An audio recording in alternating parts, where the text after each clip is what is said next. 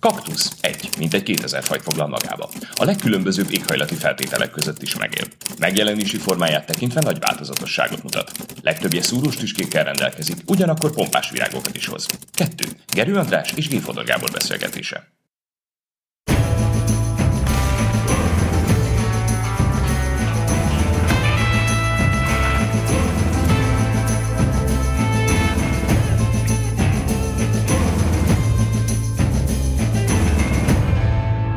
Szervusz András! Szervusz Gábor! Köszöntelek a DKTV adásában, vagy ja nem, azt lehet, hogy posgásnak hívnák. Hívhatnak Olgának? Hát nyugodtan, ez így szabad világ. Ez a kaktusz ez évi utolsó adása. És úgy látom, hogy bemerevettek a frontok. Nekem az állóháború képe jutott eszembe bent is, kint is de mi lenne, hogyha megpróbálnánk valahogy struktúráltan gondolkodni erről az évről, ami szerintem egy fontos év, és fontos évként is fogják számon tartani szerintem a krónikák. Belül a Fidesz hatalmas győzelme miatt és a következményei miatt, itt szerintem a következményekről beszéljünk, kívül pedig hát a háború és a következményei miatt, itt meg valószínűleg az átalakulás a világrendben, Európa helyzete és versenyképessége, a háborús gazdálkodás és Magyarország és benne Európa kiszolgáltatottsága lehet az, ami állításokért kiállt. Kezdte akkor, jó? És utána belevágok én is a lecsóba. Hát kezdjük az elsővel, amit te elsőként említettél, ez a mondjuk így elsöprő áprilisi győzelme a kormánypártnak. Ugye ez annyit is jelent, hogy áprilisban voltunk, tehát ugye február 24-én tört ki a, nyílt fegyveres konfliktus Oroszország és Ukrajna között, és ezáltal ugye a, világot megmozgató konfliktusként. Tehát az emberek már tudták, hogy mi van a világban, és a, a, a győztes, a belpolitikai győztes egy nagyon nagy győzelmet aratott, ez nem is kérdés, de egy nagyon nagy terhet is vett a vállára, mert ebből az egész háborúból adódó következményrendszer nem csak az országra, hanem Európára vonatkozólag is neki kellett kezelni. De ugye úgy kellett kezelnie, hogy közben megszűntek a belpolitikai ellensúlyok, a nagy győzelemnek ez volt a, a, a lényege, ami szerintem bizonyos értelemben megnehezíti ennek a dolognak a kezelését. Tehát úgy gondolom, hogy megkapták a teljes felelősséget, de úgy kapták meg a teljes felelősséget, hogy senki nincs, aki kontrollat tartja őket, kontrollat tartsa őket legalábbis belpolitikailag. Tehát a belpolitikai ellensúly nélküli felelősség valósult meg, aminek azért nincsenek feltétlenül pozitív következményei. Mindig is úgy gondoltam, ezt most nem egyszerűen úgymond elvi liberálisként mondom, hogy a korlátlanság az nem jó dolog a politikában sem. De, de most azt láttam, látom, hogy itt gyakorlatilag egy korlátlan belpolitikai hatalomban a Fidesz kezébe, ami a ellensúly nélküli könnyen eltévesztheti őket az erdőben, hogy merre kell menni. Ennek jelei vannak. Tehát mondok egy példát neked, e, erről már volt szó. Ennek egy jele az, hogy egy ilyen probléma halmazzal, amivel politikai kormányzás mentén tudnának mit kezdeni, mondjuk ez az egész pedagógus történet, amire nem, nem az a lényege, hogy nagyon sok pedagógus áll bele a sztrájkokba, mert nem, egy töredék áll be. De akkor is ez egy, ez egy irritáló pont egy rendszerben. És valahogy nem tudnak vele eh, hónapok óta eh, eh, mit kezdeni. Ugyanígy föntartanak fikciókat, mint ugye a miniszterelnök fikciója, hogy a lokálisan ki lehet maradni ebből a válságból, ma már nem mondja. Ma már nem mondja. De hát nyilvánvalóan Magyarország abszolút belekerül ebbe a válság történetbe, és ma már inkább olyanokat mond, hogy Brüsszel ellen küzd ilyen szankcióügyben, mert úgy gondolja, hogy a brüsszeli szankciók okozzák a válságot, miközben tudjuk, hogy ez egy sokkal nagyobb csomag, ez a válságcsomag, mint sem, hogy a brüsszeli szankciók mindent eldöntenének. Tehát itt látom, hogy a korlátlanság segít abból, hogy eltévedj az erdőbe.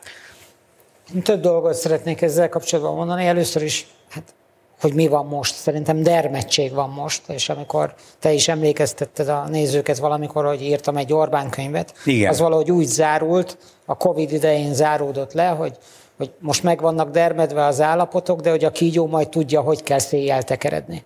És szerintem fog jönni olyan idő, amikor helyreáll a politika dinamizmusa, amikor hát hogy mondjam, a politikai reflexek működni fognak, de most kétségtelenül dermedtség van. Ennek nem vitatom része az is, belefutottam Ákos film címébe, a Magunk maradtunk, Szerintem magunk maradtunk, ezt mondhatják a fideszesek. Hatalmasat győztek, magunk maguk maradtak fenn a színpadon, aminek vannak előnyei és hátrányai. Szerintem hátránya is van, hogy nem lehet mást felrángatni a színpadra. Most inkább, mintha lelögdösnék a színpadról a baloldal, tehát hogy egyáltalán nem tényezőként szerepel ebben a helyzetben. De a legfontosabb, amit akartam mondani, egy, egy gondolat, amit hallottam és továbbfejlesztettem magamba, és ilyen nagyvonalúan azt mondanám, hogy előállnék egy politikai ciklus elmélettel, ami egy sajátos helyzet, ugye a negyedik kétharmad következményeiről beszélünk. És én azt tapasztaltam, hogy az első két ciklusban úgy működött a politika, ahogy a politikától elvárjuk. Verseny van, a tétek élesek, és a harmadik ciklus volt a halálvölgye, amikor megjelent az a fenyegetés a Fidesz számára, hogy mi van, hogyha ezt megunták a választók. Mi van a hosszú kormányzás következményeivel. Mi van, ha ezt elutasítják majd. De megtörtént a negyedik kétharmad, és szerintem a Fidesz kijött a halálvölgyéből, és egy teljesen új helyzetben vagyunk, ami szerintem felülírja, keretezi, amit te mondasz, hogy átléptünk abba a viszonyrendszerbe, a Fidesz győzelme révén, nagy győzelme révén is, hogy hát most már ezt megszokjuk. Ez van, ehhez fogunk hozzászokni, ezt ismerjük, és az a, az unalom, mint felvetés, teljesen eltűnt a politikai porondról, hanem a megszokottság válik valamiféle politikai rendezőelvé, és ez szerintem a, a problémák kezelésére és a versenyre is hatással van. A problémák kezelésére úgy, hogy hát ez a szöszmötölés, nem haladás, a feszültségek gerjesztése, nincs gyors kivezetése a problémáknak, tehát most a diszfunkciókat soroltam, de a versenyre nézve meg úgy, hogy azt gondolom, hogy hogy a baloldal és bármilyen potenciális jövendőbeli kihívó egy verseny hátrányban van, mert az emberek úgy gondolják, hogy lehet, hogy ez meg az a problémánk van a most kormányzókkal, de hát végül is ismerjük őket, tudjuk, hogy csinálják, legalább kormányozva van az ország, hozzászoktunk ehhez. És azt gondolom, hogy egyébként igazából most teremtődtek meg a feltételei egy hosszú távú egy hosszú lélegzetű Orbán korszaknak, még akkor is, hogyha egy súlyos külső kihívással néz szembe, ami a háború. És szerintem ez egy teljesen új helyzet. Mert úgy gondolom, hogy a politikai versenyről abban az értelemben, amit hiányolsz, szerintem hosszú időre letehetünk. Ez egy kellemetlen igazság a baloldal számára, de azt gondolom, hogy ezek a tények. És a tényeket legfeljebb a külső körülmények egy olyan kladderadacs nagy összeomlás írná felül, ami például mondjuk a Szovjetunió összeomlása volt 1989-ben. Nézd, eh, Gábor, én is úgy gondolom, hogy a modern magyar történelem az alapvetően korszakorientált történelem volt, és általában egy külső hatás vetett véget a korszaknak. Tehát a dualista korszaknak az első világháború vetett véget, a hortérának a második világháború, eh, nem a horti öregedése, a Kádár érának a Szovjetunió, tehát a gazdálat eltűnése, a demokratikus korszaknál pedig, ugye, amit most élünk, ugye 30 valahány éve, ott pedig hát egyelőre belpolitikai tétek voltak, illetve tűntek el, és azt gondolom én is, hogy ez a mm, Orbán világ, ez berendezkedett, korszakra rendezkedett be. Abból vonom lesz a következtetés, hogy elképesztően fiatal embereket juttat kulcspozícióba, tehát nem négy évre gondolkodik, hát egy köztársaság elnököt 40, nem is tudom hány éves, hány éves 45. 45. egy politikai igazgatót, aki nem is tudom hány éves a... Talán 40 sincs. 40, 40 sincs. Egy kancellária minisztert, aki... Szintén 40-es körül. Igen. Rehabilitálja az Orbán kormány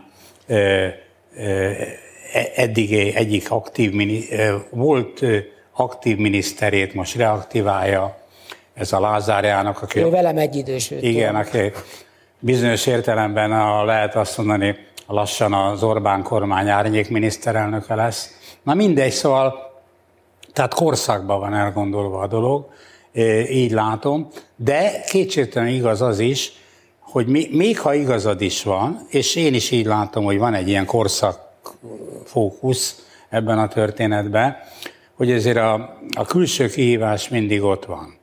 És sose tudjuk, hogy egy orosz-okrán háború milyen európai átrendeződéssel jár, vagy a világ tekintetében. Tehát az Orbán korszak kiépülését, eh, ahogy a megelőző korszakok kiépülését mindig egy külső kihívás szüntette meg, ez itt is benne van a pakliba. Az kétségtelen igaz, és ebben egyetértünk, hogy belső kihívás az megszűnt. És nem is látom, hogy föl tudna épülni. Te következetesen használod a baloldal szót, lehet őket így hívni, de én azt látom, hogy a, ma, a mai magyar pártstruktúrában vannak olyan pártok, amikről nem tudom megmondani, hogy baloldaliak vagy jobboldaliak, de vannak a parlamentben. Van, amikről meg tudom mondani, hogy de facto a Fidesztől nacionalizmusban még inkább jobbra állnak, mondjuk ilyen a mi hazánk, és van olyan, amelyik magát baloldalinak tartja, mondjuk ilyen a, a DK, e, e, de ő valójában egy globalista pár. Tehát a baloldal szót nem is tudom, hogy leírja-e e, kellő mértékben. Én abból kapaszkodnék, hogy azt mondtad, lehet ezt használni, tehát a megengedő szó használatodban én a politikai térszerkezet miatt értem így. Ugye egyértelműen itt az öndefiníció is számít, egy jobboldali kormány van Magyarországon, amely kijelölte a politikai ellenfelét balként, és természetesen itt lehetnek definíciós csaták, de szerintem nem ez, nem, a, nem ez a lényeges kérdés. Azt gondolom, hogy a kockázat kívül van, nem belül, és hogyha ma lenne egy választás, amin a Fidesz nem indul, szerintem akkor se nyerne ez a baloldal. Mert itt van egy morális deficit. Bármilyen új jövevényre, új szereplőre inkább szavaznának az emberek, mert ez a, szerintem az alternatíva állítási képessége a baloldalnak hívjuk így, az szerintem a nulla alá ment. És ebben a, ez a legutóbbi probléma, a kampányfinanszírozás kérdése, szerintem nagyon mélyre megy. Tehát egy olyan ellenzéki pozícióra igénytartó politikai tömb, amelyet kívülről finanszíroznak, szerintem itt óriási problémák vannak. És nem csak azzal, hogy önmagában megtörténik a kívülről finanszírozás, hanem azzal kapcsolatban, és nem tudok mást mondani, hogy ezzel kapcsolatban sunyognak, hazudnak. Jön az ellenfél, és azt mondja, hogy mi vagyunk a morális politika, mi akarjuk megújítani a politikát, mi vagyunk a tiszták, és közben a zérópontnál hazudnak. Szerintem ezt a magyar választópolgárok értik ezért önmagukat is versenyhátrányba hozzák, annak pedig én nem látom politikai realitását, hogy új kihívó jelenne meg a színen. Miért is jelenne meg? Milyen előfeltevésekből indulnak ki? Milyen forrásból? Milyen megszervezettséggel? Milyen jelöltekkel? Szóval szerintem nem belül van a kockázat. Itt, a, és át is térhetünk erre a témára, a kockázat az kívül van. Hogy hogy alakul ez a háború, benne Európa sorsa a gazdasági következmények miatt elsősorban. Szerintem ez azért egy éles kérdés. Jó, Gábor, de azért egy pillanatra érünk vissza erre a korszakos dologra. Szóval az, azért a, Szóval, hogy bárhogy is értékelik, ugye a történettudományban állandóan ilyen diskurzív elemként megjelenik a hortikorszak értékelése. Szóval sokféleképpen lehet értékelni a hortikorszakot, de azért azt nem lehet mondani, hogy egy hogy csak pozitív volt a hortikorszak. Most azoknak szólok, akik pozitívnak akarják látni, de nem lehet azt sem mondani, hogy minden elemében negatív volt, mert ugye ez volt a kommunista narratíva. De azért egy olyan korszak volt, aminek persze mindig voltak olyan elemei, amiket lehetett nagyra tartani, és voltak szörnyű, szörnyű részei. Ugyanígy volt a Kádár korszakkal is. sok mindent lehetett nagyra tartani benne, de egészében ugye leírja, a szép irodalomból lehet ezt pontosabban tudni, hát maga volt a, a tömény fantáziátlanság, unalom, kiszerűség, középszerűség. Na most ugyanez a korszak logika fenyegeti az Orbán korszakot is. Én azért nem tenném egy polcra Kádárral vagy Hortival azt az időszakot, amiben élünk.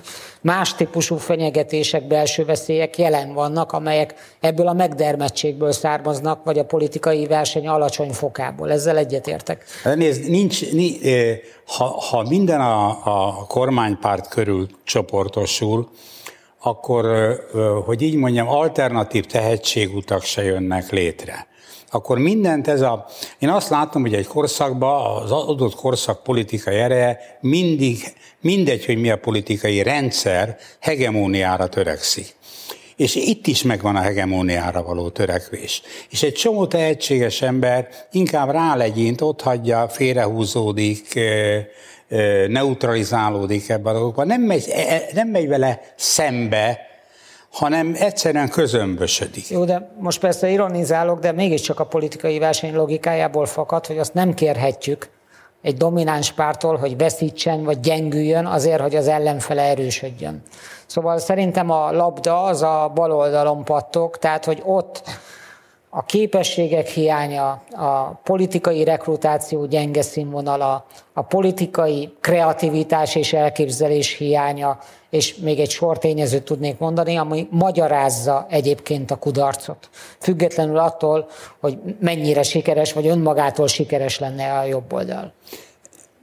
Ez igaz, én egyetértek veled abba, hogy nem lehet a regnáló hatalmi elitet felelőssé tenni azért, azért, hogy egy szabad rendszerben ne tudjon kialakulni egy erős kritikai ellenzéke, egy erős kritikai élt megtestesítő politikai felülete, nem, nem, nem, oda, nem oda tartozik ez a felelősséghánya, de ez azoknak a felelősségnek, ezt ki kéne alakítani.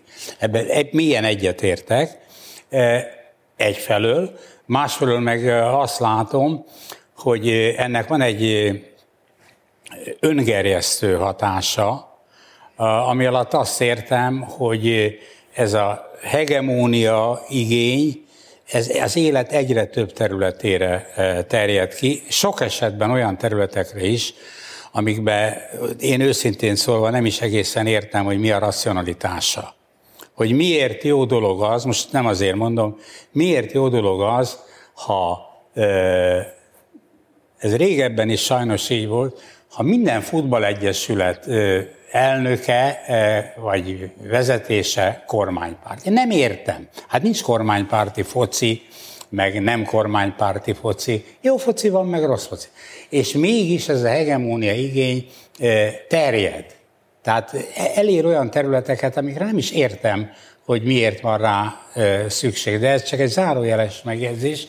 De mert azt akarom mondani neked, és akkor itt, itt tényleg visszatérhetünk erre a, erre, a, erre a külső tényező dologra, hogy ez el fog menni egy darabig, szerintem belpolitikai gátját nem is látom, hogy lesz -e ennek a ö, ö, korszakigénynek, vagy hegemónia igénynek, de kétségtelenül külső gátjai lehetnek.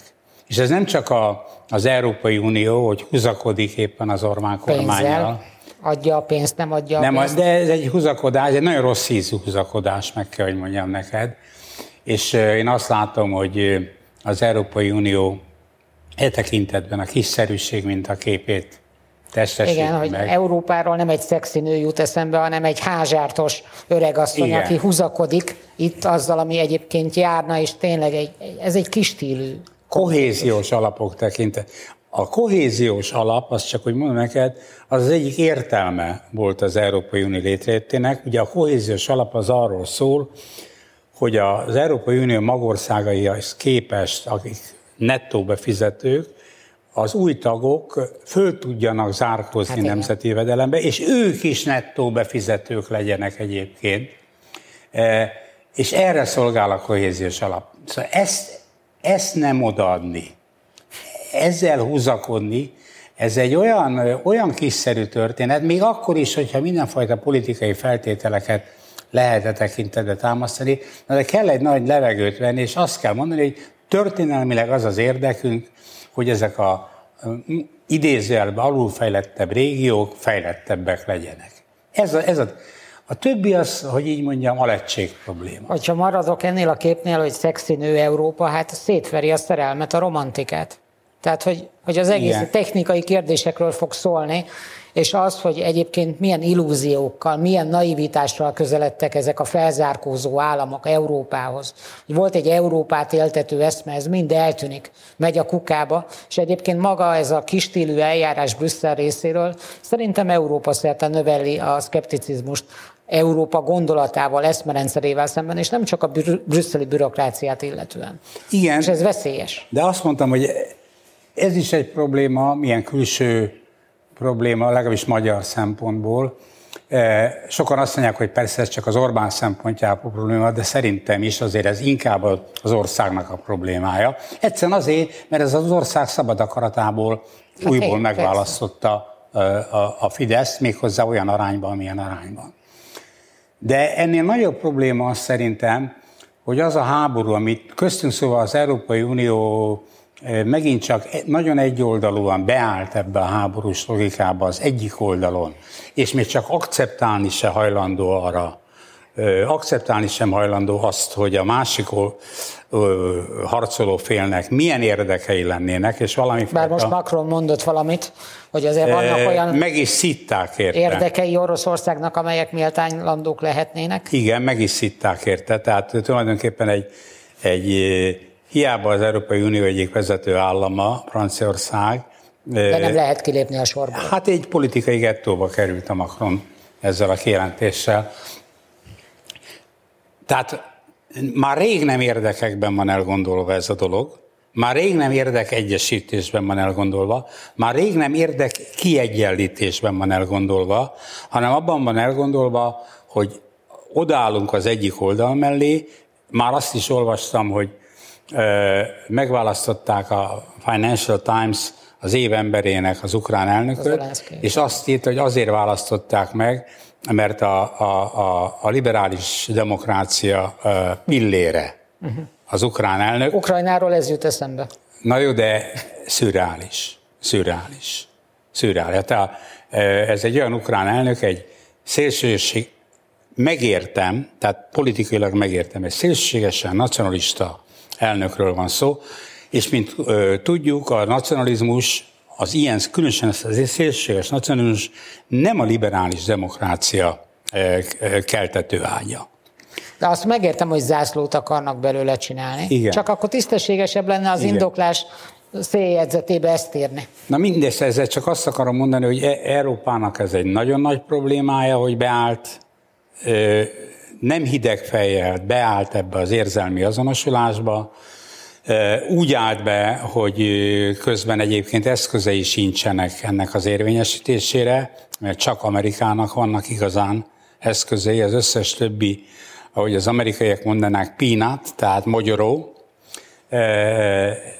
és valami mellett elköteleződött, amit nem is tud egyébként teljes erővel anyagilag képviselni, és Magyarország pedig itt van egy ilyen félrehúzódó állásponttal, amit nyugaton sok esetben nagyon is félreértenek, mert ilyen Putyin barátságról, ilyesmikről beszélnek. Nem erről van szó.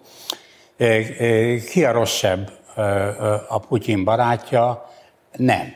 Arról van szó, hogy Magyarország Magyarország barátja.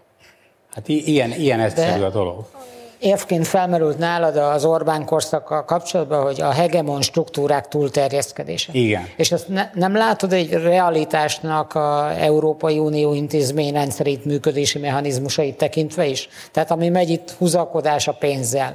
Ezek a különböző zsarolási eszközök, a bülbülbeszéd, a a sajtószabadságról, liberális demokráciáról, stb. Miközben mögötte nyers hatalmi érdekek vannak, és ők döntenek arról, hogy adják a pénzt, vagy nem adják, vagy korábban a bevándorlással kapcsolatban, a kvótarendszerrel kapcsolatos viták. Nem arról árulkodnak ezek is, hogy itt a hegemon struktúrák, tehát a brüsszeli bürokrácia hegemon struktúrái le akarják nyomni a nemzetállami Jó, Gábor, de értsd meg azért, én mégis csak egy... Vagy a nagyok. Egy szemében élő ember vagyok, amit annyit jelent, hogy szóval azért nekem kifejezetten ellenszembes a korlátlan hegemónia törekvés belpolitikailag, de ugyanilyen ellenszembes mondjuk az a külpolitikából Akkor te most utálsz mindenkit.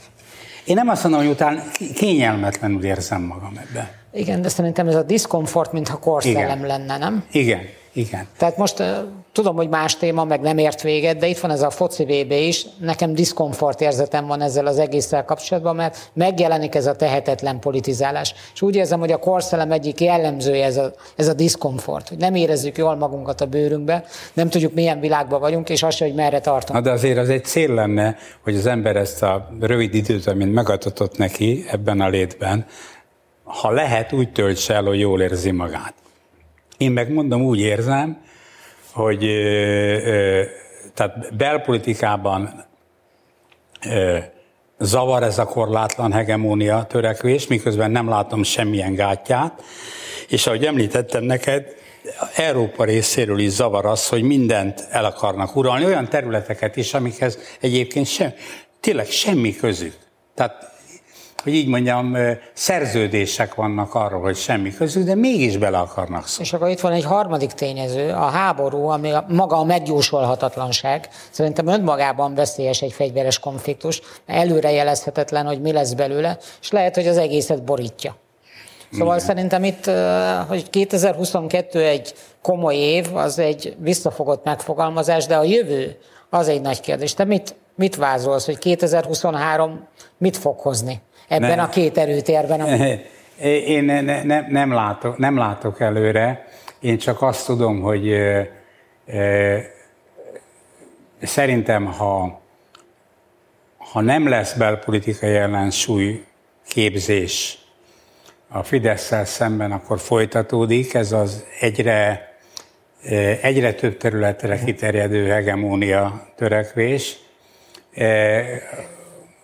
az Európai Unió részéről pedig, hát ők el fognak érni egy választópontig, miután mondom, azért anyagilag nem tudják, nem, nem tudják állni ennek a háborúnak, meg minden egyébnek a költségei, hogy nekik valahogy el kell jutni oda, hogy, hogy tényleg mit akarnak, egy jóval szorosabban együttműködő Európát, ami nem fog tetszeni ter- természetesen az Orbán kormánynak, vagy pedig egy ugyanilyen húzakodó, össze-vissza tevékenykedő Európát, ami viszont nem lesz működőképes.